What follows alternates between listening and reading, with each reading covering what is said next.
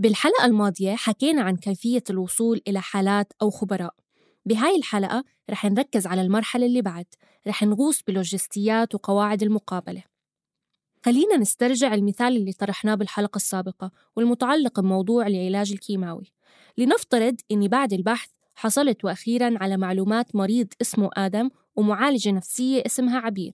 أول شي بعمله لما أتواصل معهم بعرف بحالي وبمشروعي وبوضح من وين عرفت عنهم.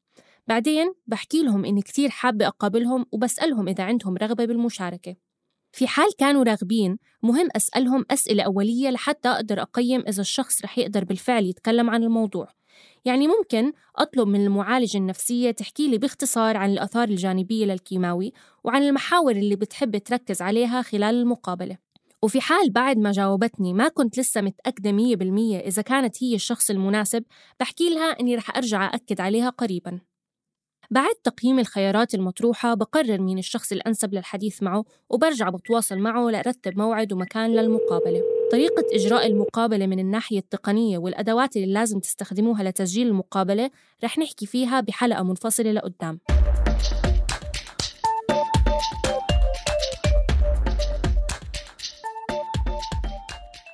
خلينا نتخيل مع بعض إنكم رتبتوا اللوجستيات مع ضيوف وإجا موعد اللقاء. كيف بتجروا المقابلة وشو الأسئلة اللي بتسألوها. بداية وقبل ما تبلشوا بالتسجيل كتير مهم إنكم تكسبوا ثقة الضيف وتكونوا جديرين بهاي الثقة. مهم إنكم تشعروهم بالأمان. ما تدخلوا معهم مباشرة بصلب الموضوع.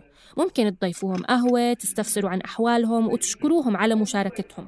ومهم كمان بهاي الأثناء تخبروا الضيف إنه بإمكانه يحكي إشي معين ويطلب منا ما ننشره يعني أوف ريكورد طيب عشان نتعمق أكتر بالأسئلة لازم بداية تفرقوا ما بين مقابلة الخبير ومقابلة الحالة.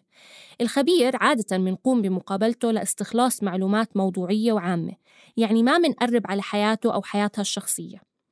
أما الحالة ندخل معها بالتفاصيل وبنطلب منها تسرد لنا قصتها الشخصية نسألها عن مشاعرها ورغباتها وتطلعاتها. طبعا قبل ما نلتقي بالضيف المفروض نكون محضرين الأسئلة الرئيسية ومتدربين عليها. لما يجي وقت المقابلة بإمكانكم تاخذوا معكم دفتر تكتبوا عليه ملاحظاتكم وأسئلتكم وممكن كمان تختاروا إنه المقابلة تكون عفوية أكتر وتستحضروا الأسئلة من ذاكرتكم.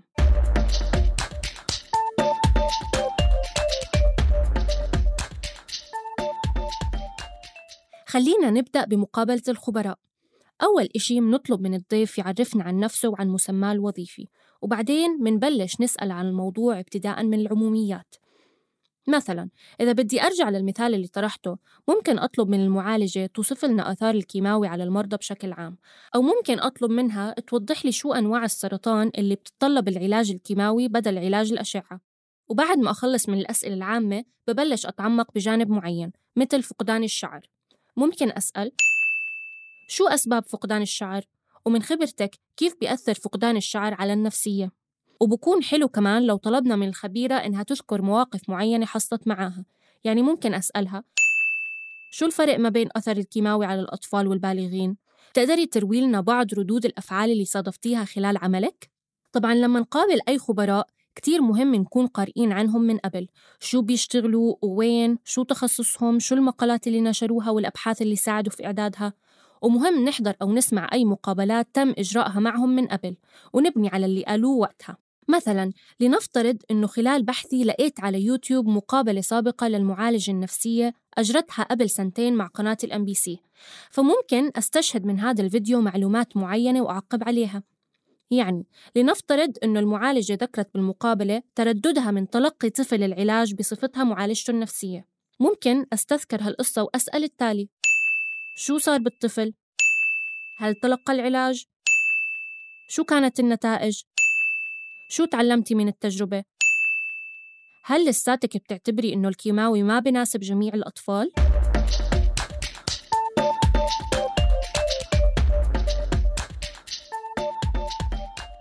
إضافة للأسئلة العامة والخاصة والأسئلة التعقيبية ممكن تستخدموا كمان أسئلة توكيدية تساعدكم بفهم تضارب معلومات ممكن يكون ظهر معكم خلال عملية البحث يعني لنفترض أنه خلال بحثكم وجدتوا أنه في مصادر بتأكد أنه عدم اتخاذ الكيماوي ممكن يكون مفيد أكثر على المدى الطويل.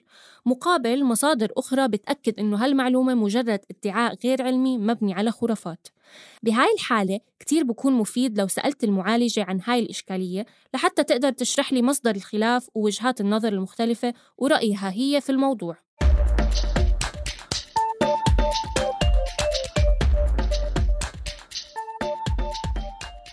خلينا ننتقل لمقابلة الحالات. مثل مقابلة الخبراء منبلش مع الحالات بأسئلة عامة بس هالمرة أسئلة تتمحور حول قصتهم الشخصية. يعني ممكن أسأل آدم متى بلش معاه المرض وكيف اكتشفه.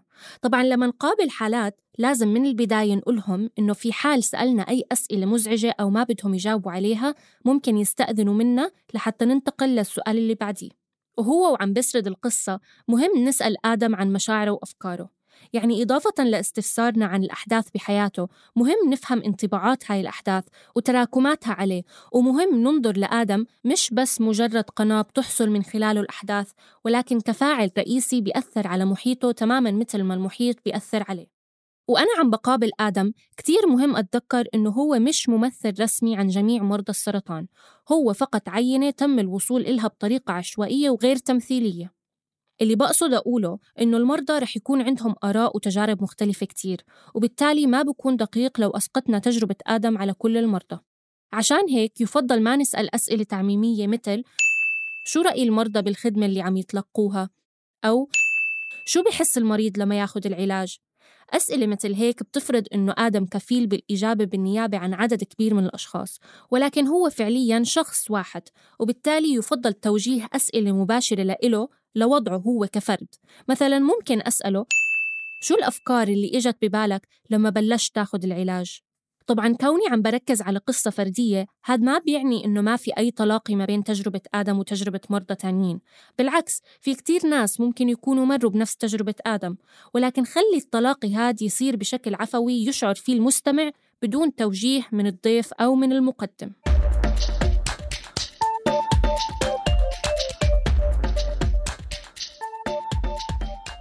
إلى جانب الأسئلة التعميمية لازم أتجنب الأسئلة الإيحائية المحملة بالافتراضات مثل لما بتخاف شو بتعمل؟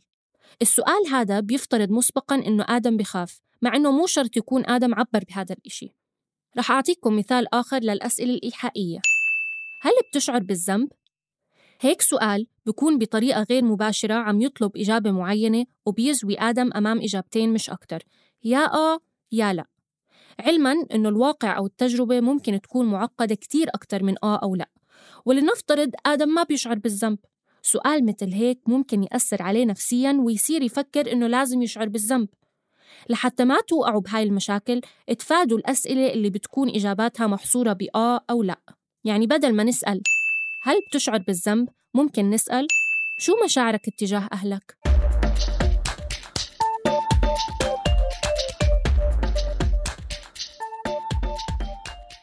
المقابلة فن وتعلمها بيحتاج أكثر من حلقتين.